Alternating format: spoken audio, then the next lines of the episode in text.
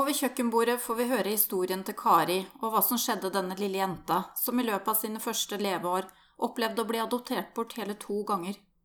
Fra første adopsjonsprosess på Vestlandet gikk ferden videre over til Østlandet, hvor nye foreldre ventet. Kari har brukt tid og krefter i å finne ut av historien sin, og hun har fått dokumentert mye. Det har vært viktig for henne, og viktig for å finne veien videre. Kari snakker også om hvordan hennes historie har preget livet, på godt og på vondt. Relasjonsbrudd preger mye av historien din. Kari har hatt hele tre sett med foreldre som på hver sin måte brøt bånd med Kari. Det har preget hennes liv. Men Kari opplevde selv å bli mor, og var bevisst hva som manglet. Nå er hun så heldig å få oppleve å bli bestemor og ta godt vare på sin egen nære familie. Det var hyggelig du kunne komme hit i dag, Kari, og fortelle litt av din historie. Takk for at jeg fikk lov å komme. Skal vi begynne helt på begynnelsen, når du eh, ble adoptert? Din, eh, du var ganske ung? Jeg var nyfødt. Du var nyfødt. Ja, altså, det er ikke helt riktig. Jeg var vel et halvt år egentlig når jeg ble adoptert. Jeg var først på barnehjem en stund, og så var jeg pleiebarn fra slutten Jeg fødte født i august, og fra slutten av oktober og til februar så var jeg såkalt pleiebarn. Så fikk de adoptere meg, og så døde de i en ulykke 21. mai samme året. Og da Hvordan skjedde det? ja, det er et godt spørsmål. Det Jeg har fått uh, veldig mange versjoner. Jeg har uh, snakket med veldig mange mennesker der borte. Og jeg får ulike versjoner.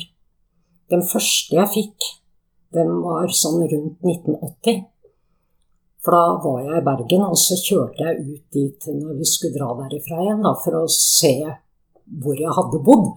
Og dette vannet som, de da, som jeg hadde hørt om Da lå det en butikk der. Så sier jeg til hun Jeg har bodd sammen med noen damer, da. Så jeg, så jeg går inn her, og så kjøper jeg kaffe. Og så spør jeg han i butikken der, så jeg, eller jeg sier at her skjedde det en ulykke i 1955. Vet du noe om den? Og han ble rasende, rett og slett, og lurte på om jeg var en forbanna journalist som kom og skulle grave i den gamle ulykken. Jeg sier bare helt rolig nei, jeg var datteren deres. Og da ble det jo en helt annen samtale. Og da fortalte han meg at de hadde kjøpt seg bil par-tre dager før ulykken. Ingen av de hadde førerkort. Og så skulle han vise kona si at han kunne kjøre bil. Og så klarte han ikke en sving og kjørte i vannet. Det er ikke korrekt, har jeg oppdaget mange, mange år senere. For den bilen kjørte ikke ut i vannet sånn, rett fram. Den rygget i vannet. Og jeg har jeg slo meg til ro med den historien han fortalte meg. Så tenkte jeg tenkte at det var jo fryktelig uansvarlig. Jeg lå igjen alene oppe i huset. Du går ikke fra en ni måneder gammel barn og begynner å kjøre bil. Jeg vet ikke Jeg satt der og tenkte en stund, og så kjørte vi videre. Og så tenkte jeg at det var kanskje greit at det ikke ble her. Og så gikk det mange år og i 97 eller 98 ble jeg kontaktet av Fannaposten. Da ringte de meg og lurte på om jeg var født i Bergen, og om jeg var adoptert. Og jeg var ute og kjørte, så jeg sier du må vente til jeg finner et sted å stoppe. Hvordan vet du det, for det er riktig? Så viste det seg at det var familie på min adoptivmors side som hadde søkt etter meg da i mange, mange år. Og de hadde vært i kontakt med fylkesmannen i Hordaland, og de hadde jeg jo spurt om det lå noen lapp til meg der om noen ville ha kontakt. De sa nei, og så hadde jeg mye prat med han onkel, da, som han skulle ha vært. Og han var så sint. Og til slutt så syntes jeg det bare ble et evig mas. Og han fortalte meg en hel masse greier. Men så fikk jeg litt hjelp i Statsarkivet i Bergen. Og fikk en del dokumentasjon. Og så fikk jeg Fanaposten til å sette inn en annonse for meg hvor jeg etterlyste noen som kunne fortelle meg om ulykken. Og det var jo da alle versjonene kom. Det sies at de skulle på et sangerstevne, altså ikke Hun skulle ikke være med. Men han og noen andre, for de var i noe kor eller et eller annet greier, de skulle på et sangerstevne da inne i Nordheimsund. Og så holdt de på å pakke bilen, og så trillet bilen i vannet. Men hvorfor i all verden var dørene låst? Og så har det vært snakk om at han fikk et illebefinnende. Det har vært så mange forskjellige versjoner. Jeg vet rett og slett ikke hva jeg skal tro. Men fremdeles lå du alene hjemme? Jeg lå da hjemme alene. Så var alle ting som var døren der låst. Og jeg har fått høre at det var politiet som tok seg inn og fikk meg ut derfra. Jeg har hørt at det er naboer som gikk inn og tok vare på meg. Jeg aner ikke hva jeg skal tro på. Så kom jeg på barnehjem igjen, da. For da kom hun vergen min, Solveig Garnes. Er adopsjonsnettverket borti Bergen. Hun jobbet for Nasjonalhjelpens fond for krigens ofre. Hvor mor hadde vært før jeg ble født, da, fra så hun skulle ta seg av dette her. Det barnehjemmet har jeg ikke klart å finne ut uh, hvilket er, men jeg går ut ifra at det var det samme som jeg var på først, fordi at de brukte det barnehjemmet Christian Michelsen. Så jeg går ut fra at jeg var der. Og så ble det jo selvfølgelig en barnevernssak. Det er ganske opprørende, fordi at de hadde en sånn holdt si, vareopptelling i huset hvor de skulle skrive ned alt de hadde. Da står jeg først at jeg skal overtas av hans bror og kone.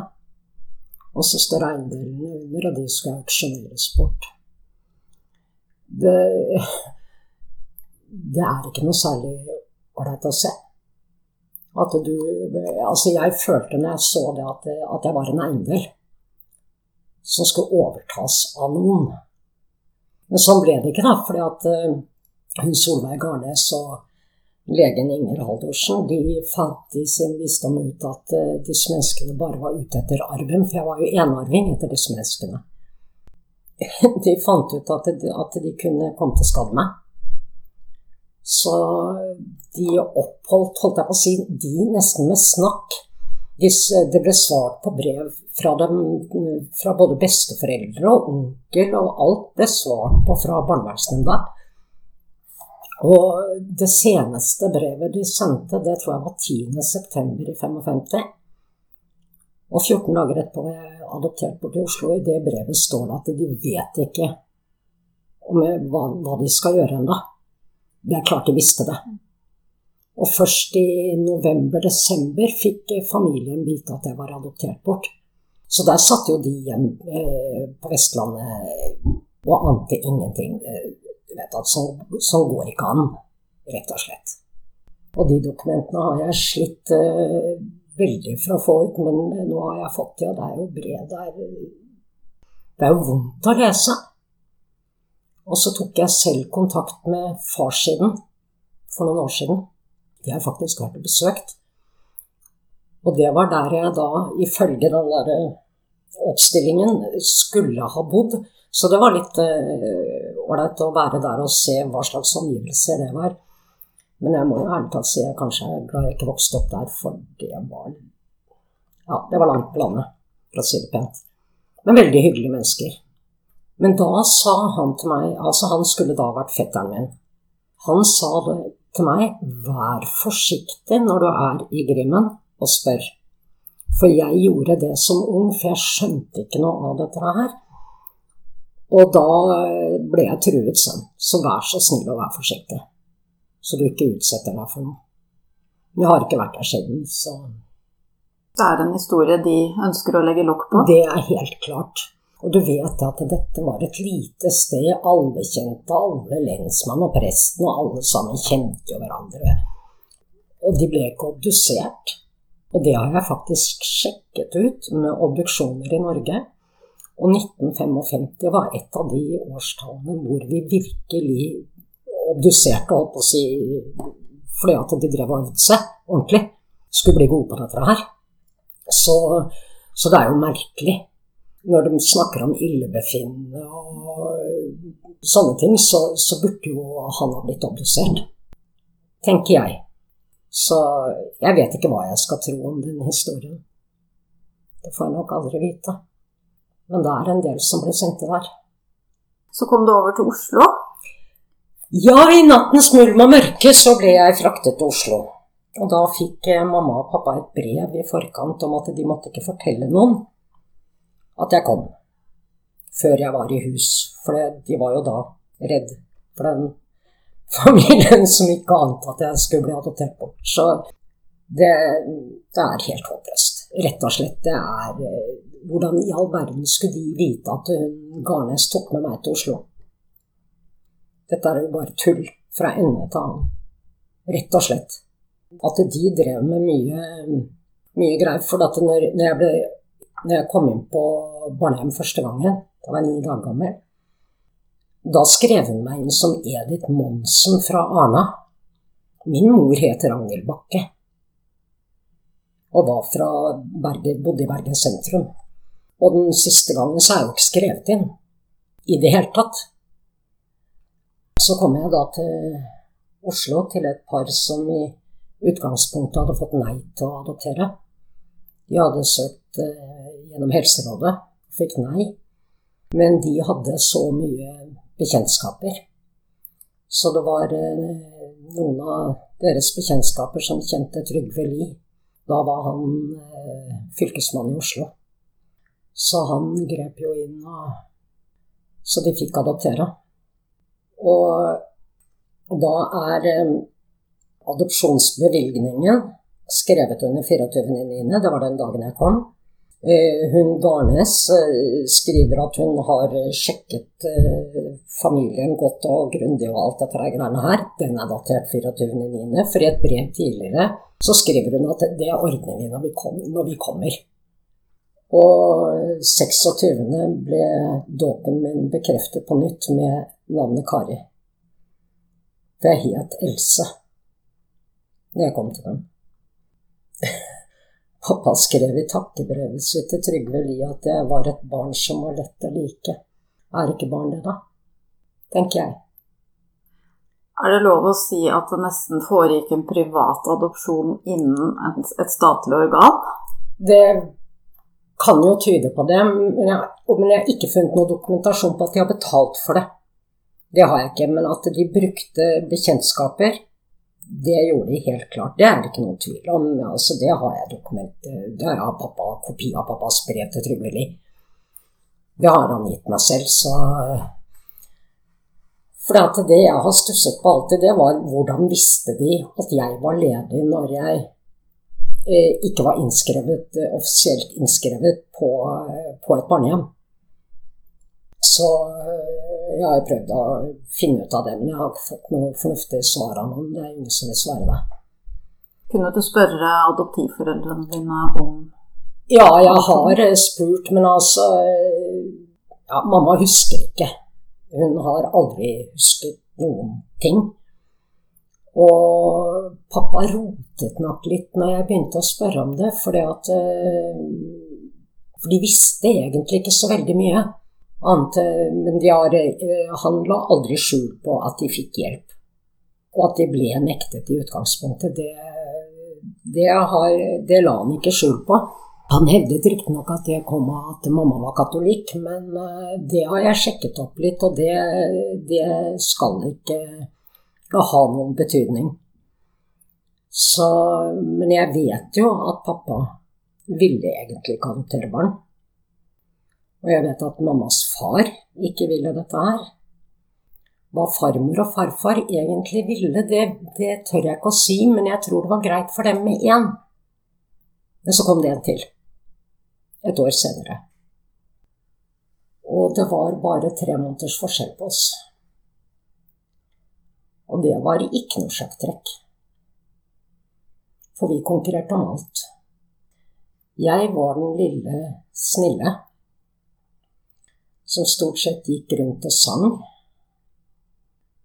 Og han var eh, brokknakker.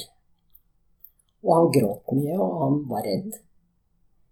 Han hadde knyttet seg til en på barnehjemmet, så det ble vanskelig for han. Han var to år. Det er en vanskelig tid å flytte noen. Så det ble mer bråk enn hygge etter hvert. Og pappa hadde et fryktelig temperament. Og dette utviklet seg og utviklet seg. Han gjorde fryktelig mye galt, og han fikk fryktelig mye juling. Vi bodde etter hvert i et rekkehus med tre etasjer, og han fikk juling i kjelleren. og Jeg satt oppe på rommet mitt og hørte han skreik. Og det hører jeg enda.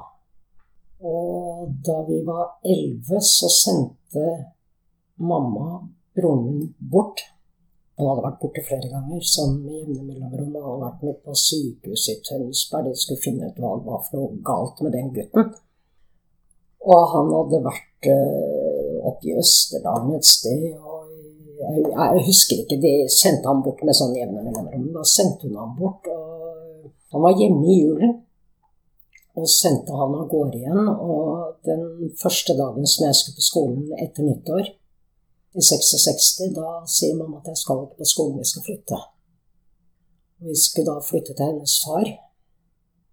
Og hun sa at det var for en måned fordi hun og pappa trengte litt å være litt fra hverandre.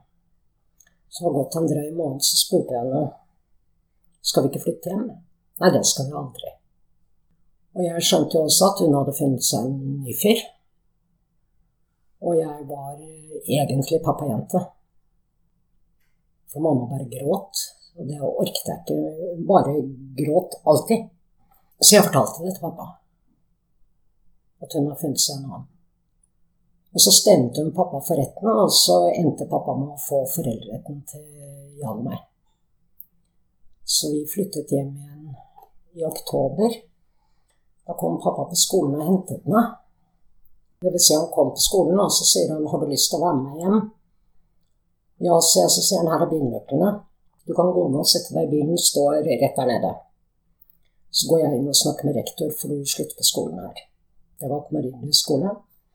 Da hadde han fått sivilpoliti til å kjøre rundt. Vi bodde i et politibyggelag. Så han hadde alliert seg med dem, så at de skulle se at jeg gikk frivillig. Og så kjørte han meg til farmors søster, og vi dro hjem om ettermiddagen. På kvelden ringer det på utenfor til broren min og lurer på om han kan få komme inn. For da hadde mamma sagt at når hun ikke fikk begge, så skulle hun ikke ha noen. Og vi hadde det vi sto og gikk i, og resten fikk vi ikke. Det ga hun bort til noen som trengte det mer enn oss. Og da vi kom til januar i 67, så flyttet hun til Sverige og har bodd der siden. Og jeg har hatt et veldig til og fra-forhold til henne. Årevis har jeg ikke snakket med henne. Og så har jeg snakket med henne, og så har det blitt ugreie igjen, og så har det gått noen år. Jeg husker pappa sa at jeg måtte reise dit på sommeren. Jeg sa jeg vil ikke dra til henne. Ja, men hun er tross alt moren din. Det turte jeg ikke å si, men jeg tenkte det er hun gudskjelov ikke. Og så tenkte jeg i samme sleng at du er heller ikke faren min. For han, han, han klarte rett og slett ikke dette her. Altså, han slo jo broren min. Det var jo med spanskrør, og øh, han kom på ungdomshjem til slutt. Og jeg bodde alene med ham, og han slo jo ikke damer, som han sa. Jeg var jo bare jentunge. Men han truet med å oppheve adopsjonen når det var noe Altså, jeg gjorde ikke stort mer galt enn at jeg kom hjem for sent noen ganger fordi jeg ikke løp fort nok. Eh, og så røyka jeg, og det var jo omtrent verdens undergang. Og da var det å ligge på presenning i vaskerommet og bli sendt til farmor dagen etter som straff. For da fikk jeg jo ikke vært sammen med vennene mine. Det å komme til henne var egentlig ikke noen straff, det var en befrielse. Du sa tidligere, Kari, at uh, faren din var, ville jo egentlig ikke adoptere, men så endte han opp med å vinne foreldreretten over dere? Ja, men det var en æressak for han. Det er det ingen tvil om. Ingen skulle komme og eh, Nei. Og han var steil. Han hadde alltid rett. det mamma hadde gjort mot ham med å være utro. Det var ikke første gangen hun var det heller, for øvrig. Hun var det når vi var helt små. Eh, da skulle hun i hvert fall ikke få barna. Det er helt klart. Det, det, det var ikke noe å lure på engang. Og alle som kjente han, visste at det ville han vinne fram med. I rettssaken, rettssaken fikk han to av mammas beste venninner til å vitne mot henne. Han kunne prate. Han var meget godt likt hjalp alle. Og så var han en annen mann inne og hjemme. Og så kunne du snu deg og snu deg tilbake, og så var han rasende for et eller annet, og du forsto ikke hva det var. Nei, jeg var redd han. Rett og slett eh, livredd. Jeg, jeg, var redd han til den dagen han døde.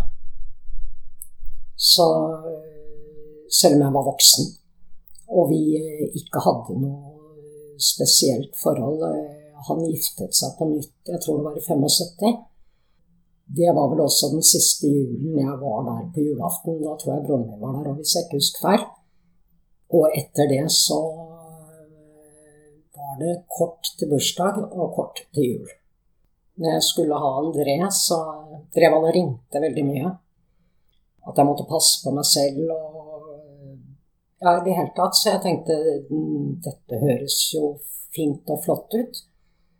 Og så fikk jeg André og ligge på sykehuset, så regnet jeg jo med at da kommer han.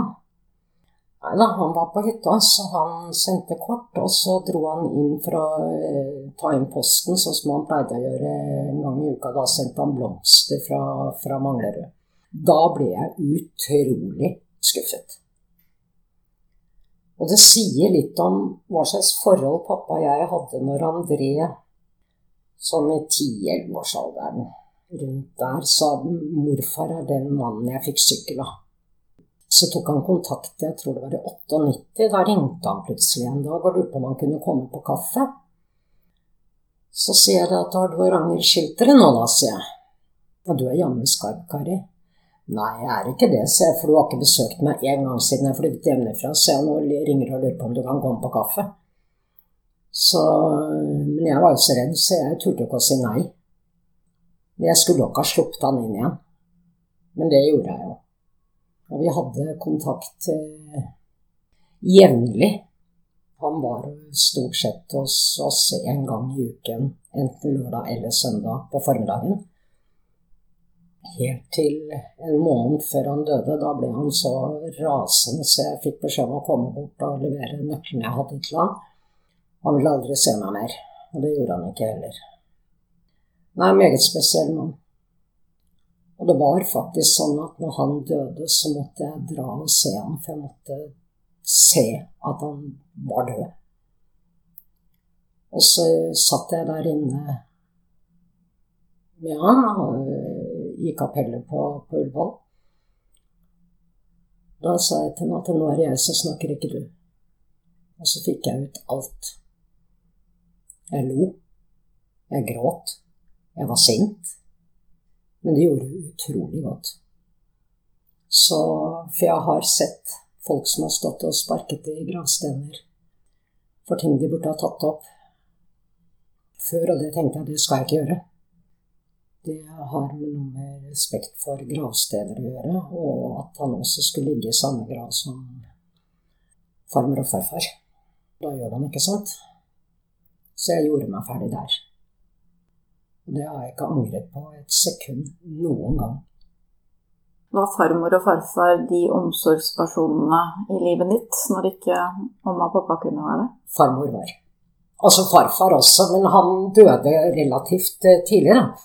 Men farmor var. Hun var som en mor for meg. Det tror jeg er det snilleste mennesket jeg har møtt. Virkelig.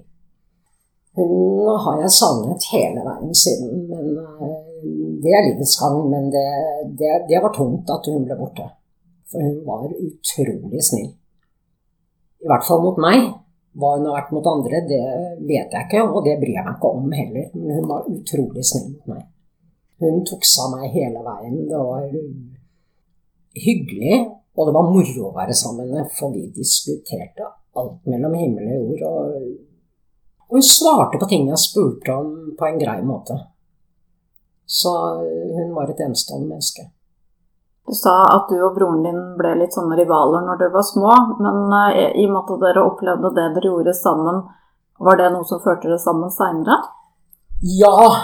Eh, når han kom tilbake fra ungdomshjemmet, så var vi veldig mye sammen eh, i en periode.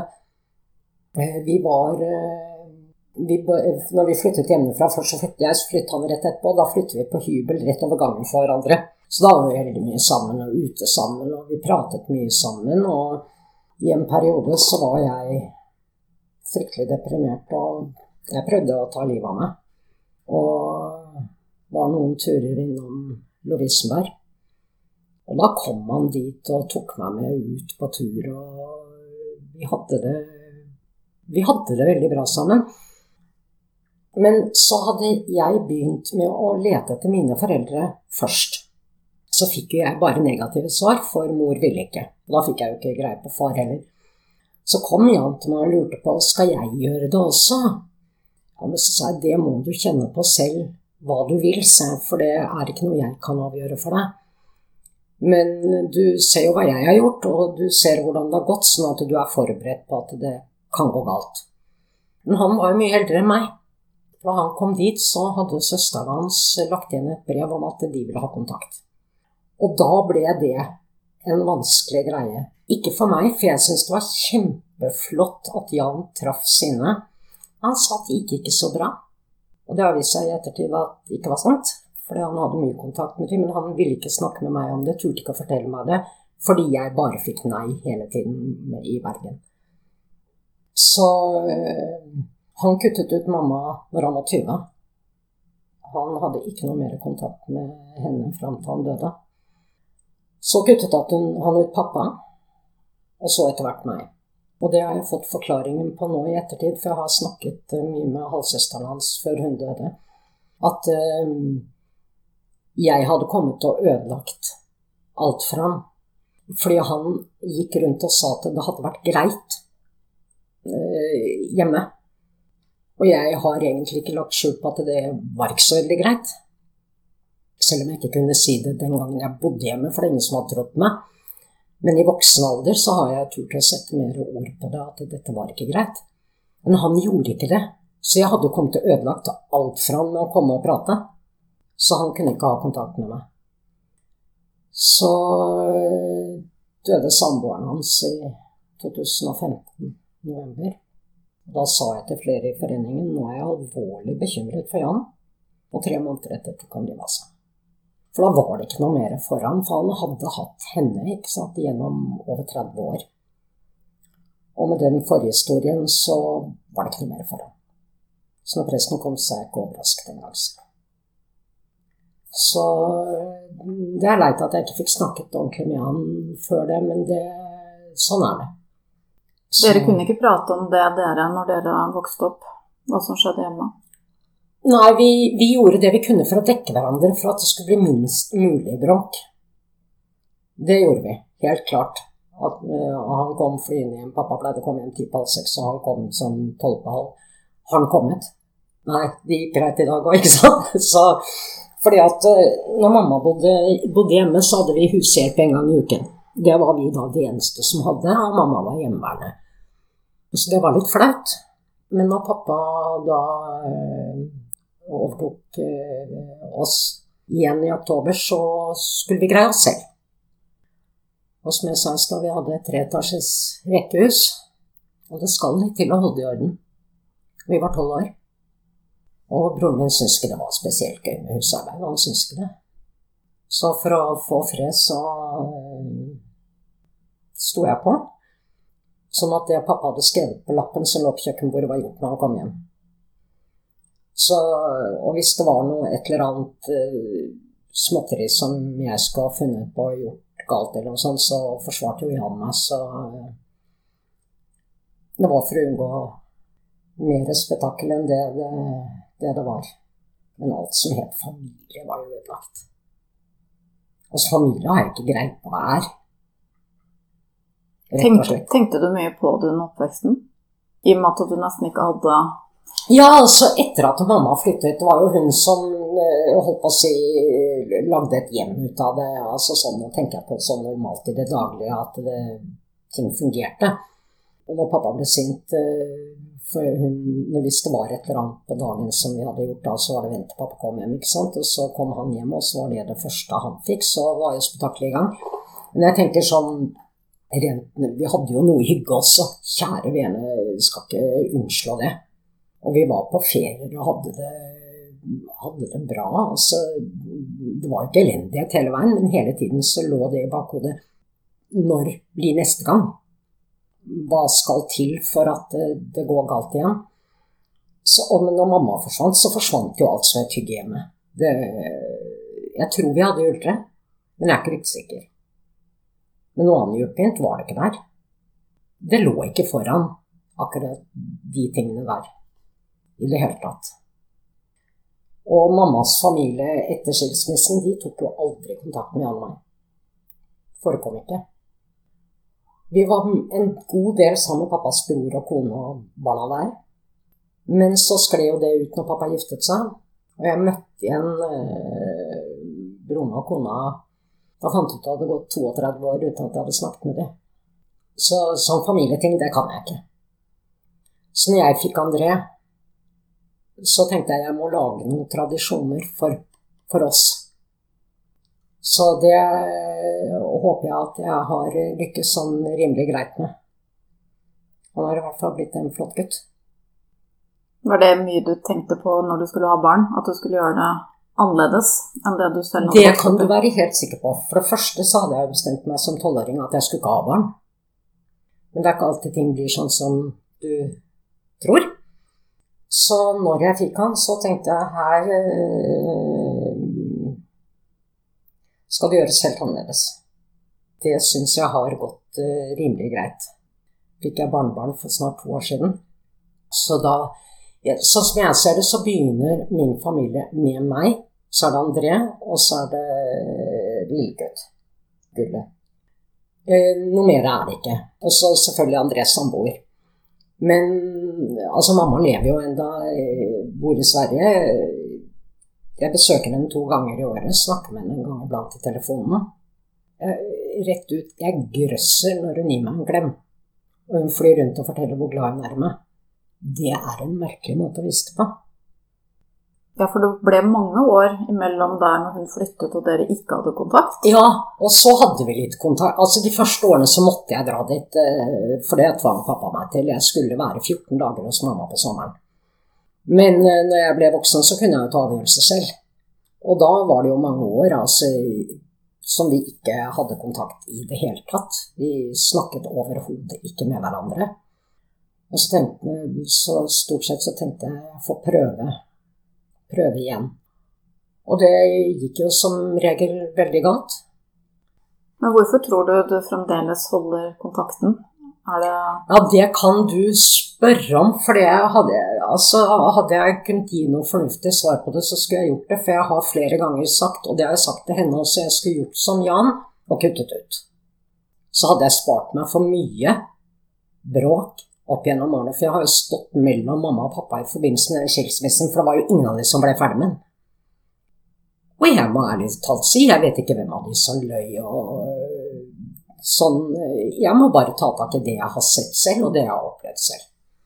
Den første gangen vi var der nede med Nathaniel, så satt det så langt inne for meg å si oldemor. Og øh, André, han Ja. Han føler ikke spesielt mye, han heller, men han blir med for min skyld. Sånn at det ikke skal bli for mye bråk. Og vi krangler eh, ganske mye, for hun holder på med det der at eh, ja, hun kunne dessverre ikke få barn. Og det sårer. Det har hun holdt på med helt siden eh, André ble født for 33 år siden. Og det ble ikke noe bedre enn at Nathaniel ble født. Så eh, ene gangen vi var der nede, så begynte hun på en Da var det ikke meningen jeg skulle høre det, for jeg var på kjøkkenet, og hun og samboeren til André sto ute i gangen. Og da begynte hun på igjen, og så sier jo hun at ja, men du har jo fått en god erstatning i Kari. Ja, hun hadde jo det, da. Sånn til nød. For vi er jo andrevalget, eller sistevalget, for de som ikke kan få barn. Det er ikke noe å lure på engang. Ja, for Vi snakket litt om det på forhånd, Kari, at eh, det der med å få barn når man egentlig ikke ville. Mm. At du er litt opptatt av at uh, det blir veldig feil. Du har jo opplevd det selv. Ja. Altså, det jeg tenker når to mennesker skal adoptere barn, så må de Altså, man må forsikre seg om at familien rundt også, foreldre på begge sider, søsken, at de syns det er ålreit og vil ta barnet godt imot. Og så må ikke den ene gjøre det for den andres skyld fordi at han eller hun er så glad i at de er villige til å gjøre alt, også adoptere barn. Det går ikke bra. For da får du inn en ukjent i familien som du skal oppdra som din egen, og du får det ikke til. Rett og slett. Det må ikke skje. Det barnet får det ikke bra. Eller de barna. Du har den ensomheten i deg. Den tror jeg er der for alle som er adoptert, eller er på barnehjem, eller i fosterhjem, eller hva, du, hva det nå måtte være. Så tror jeg den ensomheten er der. Og den blir ikke noe mindre, og du føler deg utenfor når ikke alle rundt syns dette var fint og greit så føler du deg utenfor. Og det er ingen god følelse. Altså, pappa presenterte meg flere ganger som sin adoptivdatter. Altså, var det for å unnskylde han eller meg? I fall det ble sagt noe eller gjort noe eller noe sånt som ikke passet helt inn i bildet. Jeg vet ikke. Eh, men det er ikke noe, det er ikke noe godt de som skal drive med adopsjonsformidling, være seg bevisst, altså. For det, det, er så utrolig viktig. Og at de er ferdig med det at de kan ikke få barn. Det være sånn det er de to sammen, eller at en av de ikke kan. Det, de må være ferdig med det. Moren din lengtet etter et biologisk barn hele ja. livet sitt? Ja, det har hun gjort. Det er ikke noe tvil om det. Det kommer jo hele tiden. Hun sa en gang til meg for mange år siden hun nekter på at hun har sagt det, men uh, hun sa at hun ble så skuffet når jeg kom, for jeg var 13 måneder. Hvor, stor er du når du er 13 måneder? Så, for hun ville hatt en baby. Det nekter hun på at hun har sagt, selvfølgelig nekter hun på det.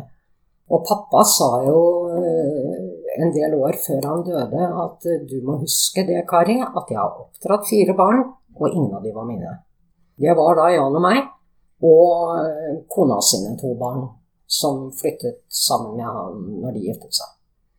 Det hadde rett og slett vært bedre at han hadde dratt til meg, for de hadde svidd der og da, ikke som det gjør nå, selv nesten 18 år etterpå. For du glemmer det ikke. Det skal ikke være sånn. Du har jo alltid visst at du er adoptert. Eh, men når begynte du å tenke på at du ville finne en biologisk familie? Da var jeg tolv.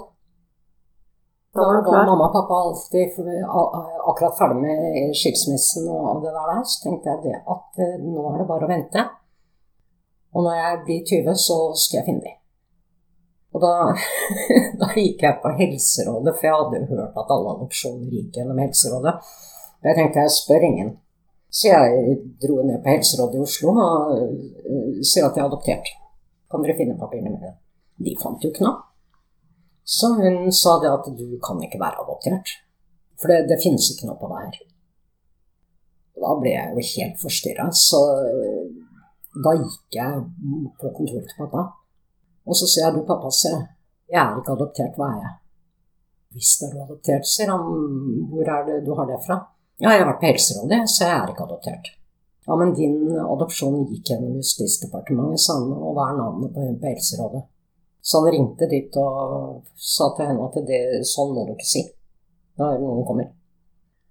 Og da spurte, sa han at han kunne hjelpe meg. Og da sa jeg takk, men nei takk. For da hadde han overtatt hele greia, og det var, det var min sak. Det var mitt liv. Så det måtte jeg gjøre selv. Så da var jeg på Justisdepartementet og fikk ikke greie på så veldig mye. Så var jeg fylkesmann i Oslo og fikk ikke greie på så veldig mye. Og så var jeg i kontakt med fylkesmannen i Hordaland, og da fikk jeg til svar at uh, alle parter var enige om at, at uh, adopsjonen skulle være anonym. Da ble jeg rasende. Da ringte jeg dit bort og sa unnskyld, men er ikke jeg en part? Men ifølge adopsjonsloven som var, så var, var ikke den adopterte part. Og mor nektet jo, hun ville overhodet ikke ha noe med det å gjøre i det hele tatt. Hun bare ringte og sa til dette Nei. Så ja, men jeg prøvde jo gang på gang. og Jeg brukte Frelsesarmeen også, men eh, de kom jo ikke noe lenger. At mor var enke med fire barn, og at far var gift og hadde to barn. Så stor var overraskelsen min da jeg så dødsannonsene, så så det fem. Men det var fordi at han forsørget bare to da jeg ble født. så de tre eldste, de var ute. Men eh, jeg ga meg jo ikke så lett, da. Så prøvde jeg å sende et brev til mor. Det fikk jeg tilbake uåpnet. Altså, jeg måtte jo sende det via Fylkesmannen, for jeg visste ikke hva han het. Det fikk jeg tilbake uåpnet, hun ville ikke ha det. Og da jeg fikk vite navnet,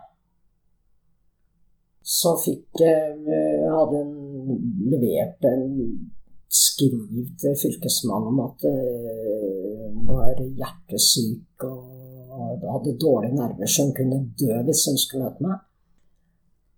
Og så vurderte jeg jo lenge fram og tilbake om jeg skulle dra bort og ringe på døren hennes. Men da kom jeg til det at nå har eh, du avvist meg så mange ganger at jeg tror ikke jeg orker å få døren i ansiktet også, så jeg lot det være. Og i 2000 døde hun. Men jeg har snakket med en halvsøster på siden. og så har jeg sånn løselig vært i kontakt med en halvbror på den siden, for han ringte, men da var jeg på ferie, så jeg sendte han et brev etterpå, så har ikke det vært noe mer.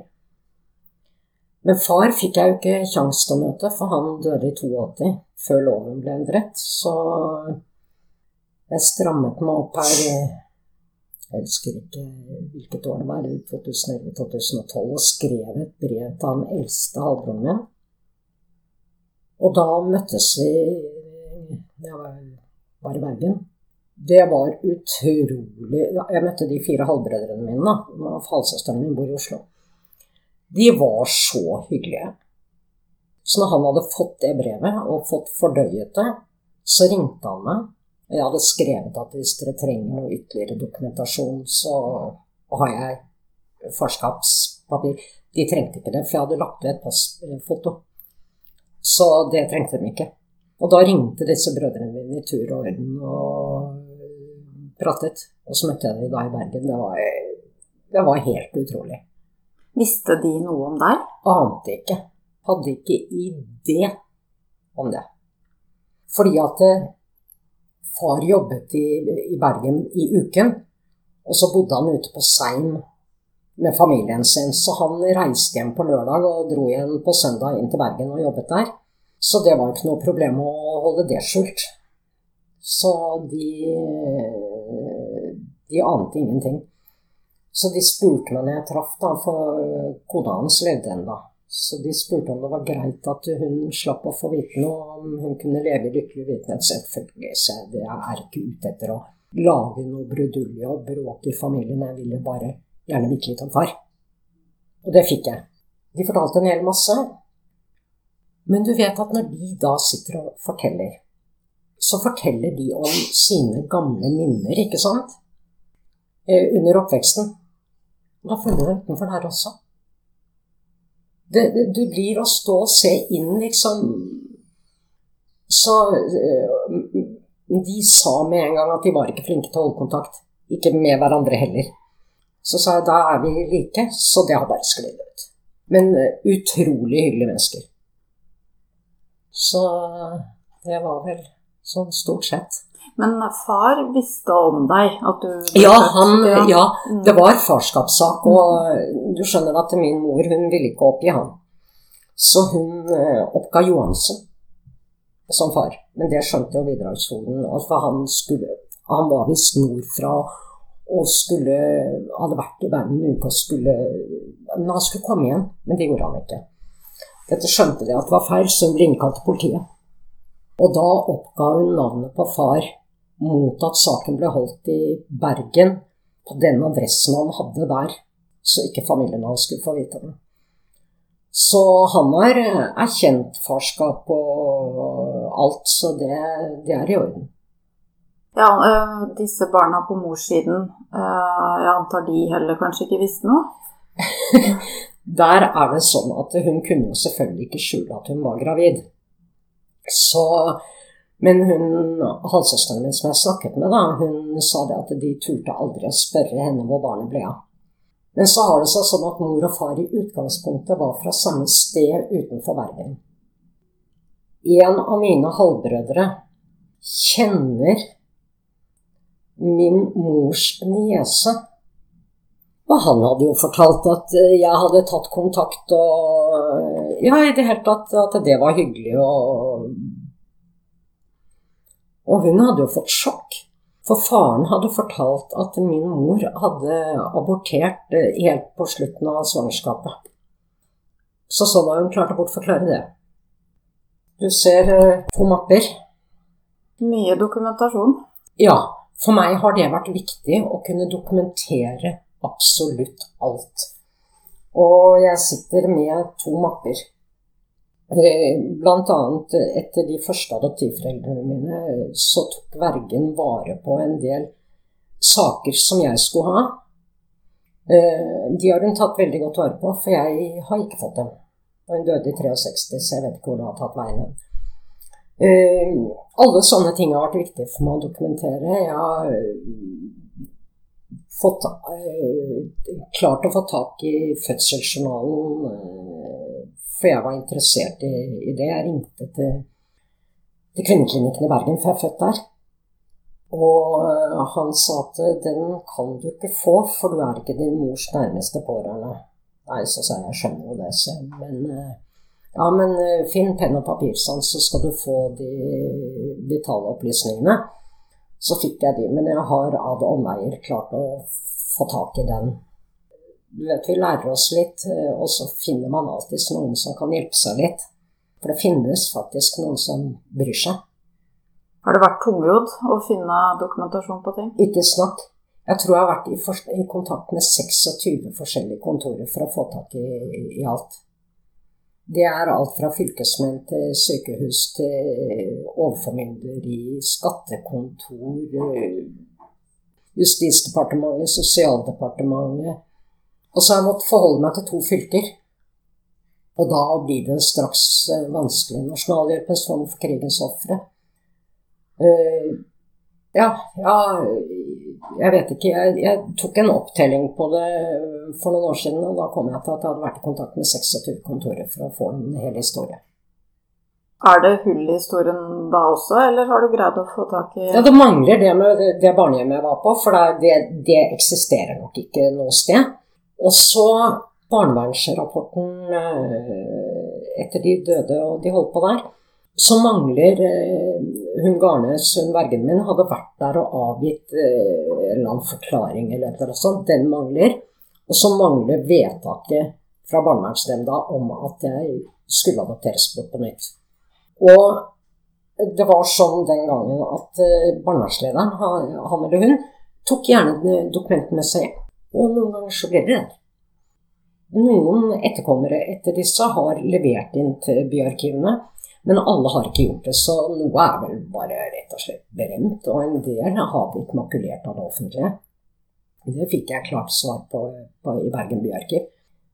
Fordi det var til vårt beste at det ble makulert. Jeg kan ikke se at det kan bli til vårt beste. For det er mye bedre å vite realiteter enn å gå rundt og lage fantasier. For det er det du gjør når du ikke vet. Og du har tatt dette her videre òg, har du ikke det? Ja, jeg gikk Jeg søkte om erstatning. Og gi meg erstatning for oppveksten eh, hos de siste og foreldrene mine. Det skal ganske mye til for å komme gjennom med det. Men jeg fikk erstatning for hvordan det offentlige har behandlet meg i ettertid. For da har jeg brukt disse dokument dokumentene for å dokumentere For de sa det fins ikke mer, og så plutselig så dukker det opp noen papirer. Altså, de dukker ikke plutselig opp. De, de har vært der hele tiden. De har bare tilbakeholdt dem. Fordi at de, de syns det var greit. Eller noe. At de ikke syns jeg behøvde å vite, eller eh, Og så var partssaken. For forvaltningsloven kan de jo ikke. Den burde de jo gå på kurs på alle sammen og lære. Men det skal sies det har blitt bedre enn da jeg begynte. Men det er tak mye takket være foreningen, for som har tatt det opp igjen og igjen og igjen. For det burde jo være sånn at når et barn henvender seg, en voksen kommer og sier at du vet hva, jeg vil gjerne ha mappen min, jeg vil gjerne ha alle papirene. I, I, mange uh, tilfeller så ligger det i flere arkiver. Det ligger ikke nødvendigvis hos Fylkesmannen eller i Statsarkivet. Det kan ligge i Riksarkivet, det kan ligge i fylkesarkiv, det kan ligge i byarkiv. Da mener jeg at det er den etaten du henvender deg til, at de skal ha som ansvar å innhente alt sammen. Fordi at du For det første er det et stort skritt å ta det å skulle finne ut av dette her Du har litt sommerfugler i magen, og du går og er litt småkvalm, og, sånn, og så tar det litt tid å få det svaret. Så du går litt sånn i spenning. Og når det kommer, så trekker du pusten mer enn én gang før du åpner det. Og så finner du kanskje bare en brøkdel, og så tror veldig mange at de har fått alt.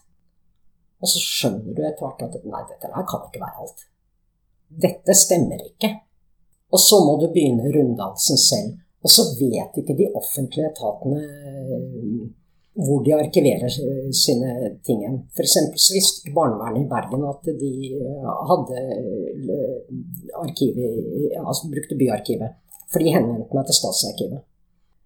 Og det mener jeg det burde være Bufdir eller Fylkesmannen du henvender deg til sin oppgave å fremskaffe alt sammen. Sånn at du skal slippe den labyrinten. For det koster så mye. Det er mennesker som holder på og leter. Det er ikke noen roboter eller noe sånt noe. Vi er mennesker med følelser som endelig tør å ta det skrittet. Så så mange er jo øh, redde for å såre adoptivforeldre. Altså Adoptivforeldre de kan ikke bli såret for det. For det er en del av å si, det å adoptere. Jeg har aldri lagt skjul på overfor mine foreldre at jeg har, har, søkt, og hva jeg har holdt på med. Jeg har fortalt det innimellom når jeg har funnet ut noe. Jeg har ikke fortalt alt, jeg har ikke fortalt hvordan det føles og kjennes.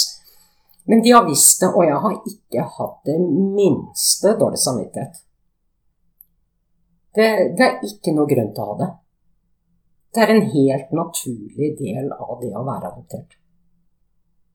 Og det må være så snill alle adoptivforeldre ute forstå. For det er ikke noe å være redd for.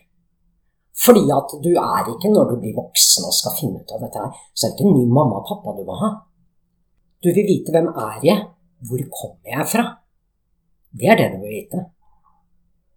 Det man kan være litt redd for, er kanskje den her avvisningen som du har opplevd. Eh, og du har jo egentlig opplevd det fra biologisk hold mm. og fra to adoptive foreldre.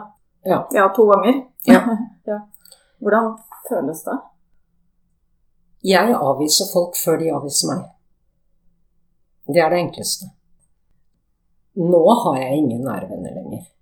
Det Nei, altså, det Jeg orker ikke, for da, da skjer det mest sannsynlig et eller annet.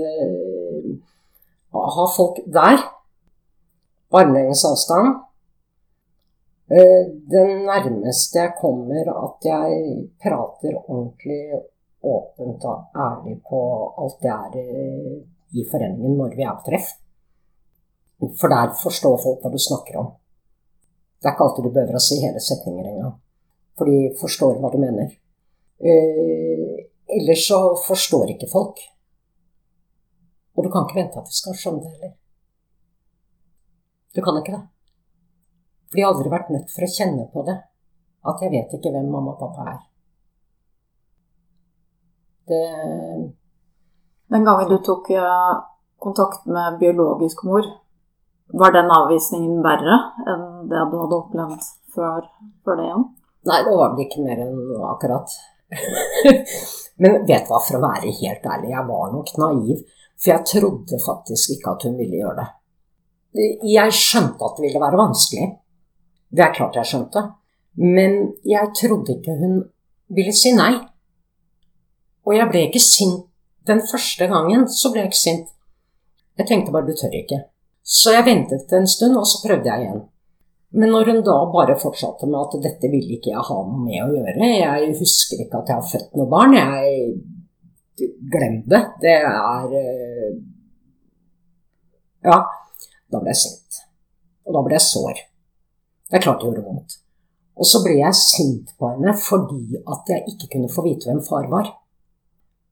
Fordi at uh, i og med at loven var som den var, så kunne de ikke oppgi hans navn, for da kunne jo han fortelle meg hvem hun var, ikke sant?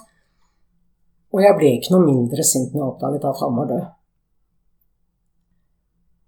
Men eh, jeg mener for alle mennesker så er det jo sånn at handlinger får konsekvenser. Det gjelder jo for alle. Og det må jo gjelde for våre mødre og fedre også. At de må skjønne at en dag så kommer det faktisk en og kanskje spør og sier at du, her er jeg. Og da må de rett og slett eh, ta konsekvensen. Eh, det er jo mange, selvfølgelig, fra, fra, den tiden som jeg hører til, som har blitt tvunget av foreldre, eller, og det var mye fortvilelse og alt mulig sånt. Men sånn ser jeg det ikke med min mor og far, for de var godt voksne mennesker. Og de visste at de var produktive også, for de hadde henholdsvis fire og fem barn. Så eh, de kunne kanskje vært litt mer forsiktige. Men eh, det er ikke noen unnskyldning for ikke å ta ansvar når en som ikke har bedt om å komme til verden, faktisk eh, sier at du, her er jeg, jeg vil gjerne få lov å hilse på deg og få vite litt om deg. Da bør de være voksne nok til å si ja, Kom, vi skal snakke. Ja, for man kan jo ha forståelse for at man på den tiden ikke hadde mulighet. Ja, ja, ja, kjære vene. Altså, jeg skjønner at min mors uh, situasjon var vanskelig, enke med fire barn. Kjære vene, jeg har ikke noe problem med å forstå det. Men uh, det betyr jo ikke at hun ikke kunne ta ansvar. Hun behøvde ikke å fortalt det til barna sine, uh, eller noen i det hele tatt. Hun kunne, hun kunne møtt meg, snakket med meg. Det er ikke sikkert vi hadde følt for å ha noe mer kontakt, noen av oss. Men du må jo kunne stå for handlingene dine. Det, det er du nødt for. Jeg syns det er utrolig feigt. Hva føler du for henne og han i dag? Nei, jeg Jeg tenker egentlig ikke så mye på det i dag. Jeg tenker eh, mest Og dette er litt brutalt At når mamma dør, da er jeg på en måte kvitt det. Da kan jeg få lov å være her og se fremover. Jeg skjønner den. Ja. Da er alle seks borte, liksom. Da kan jeg få være her og nå med sønnen min og barnebarnet. Av alt det du har opplevd, er det noen erfaringer som har eh, hjulpet deg i voksenlivet? Blitt sterk. Helt klart. Og lærer jo det at eh, den eneste du kan stole på, er deg selv. Jeg har selvfølgelig gjort en god del dårlige valg. Det er helt klart, både i forhold til skolegang og, og arbeidsliv. Men eh, det får jeg stå for. Så eh, Men at det har gjort meg mye sterkere, det er helt klart. Det skal en del til før, eh, før det knekker helt. Men at det innimellom er i kjelleren, ja. Da vil jeg si tusen takk for din historie, Kari. Takk for samtalen.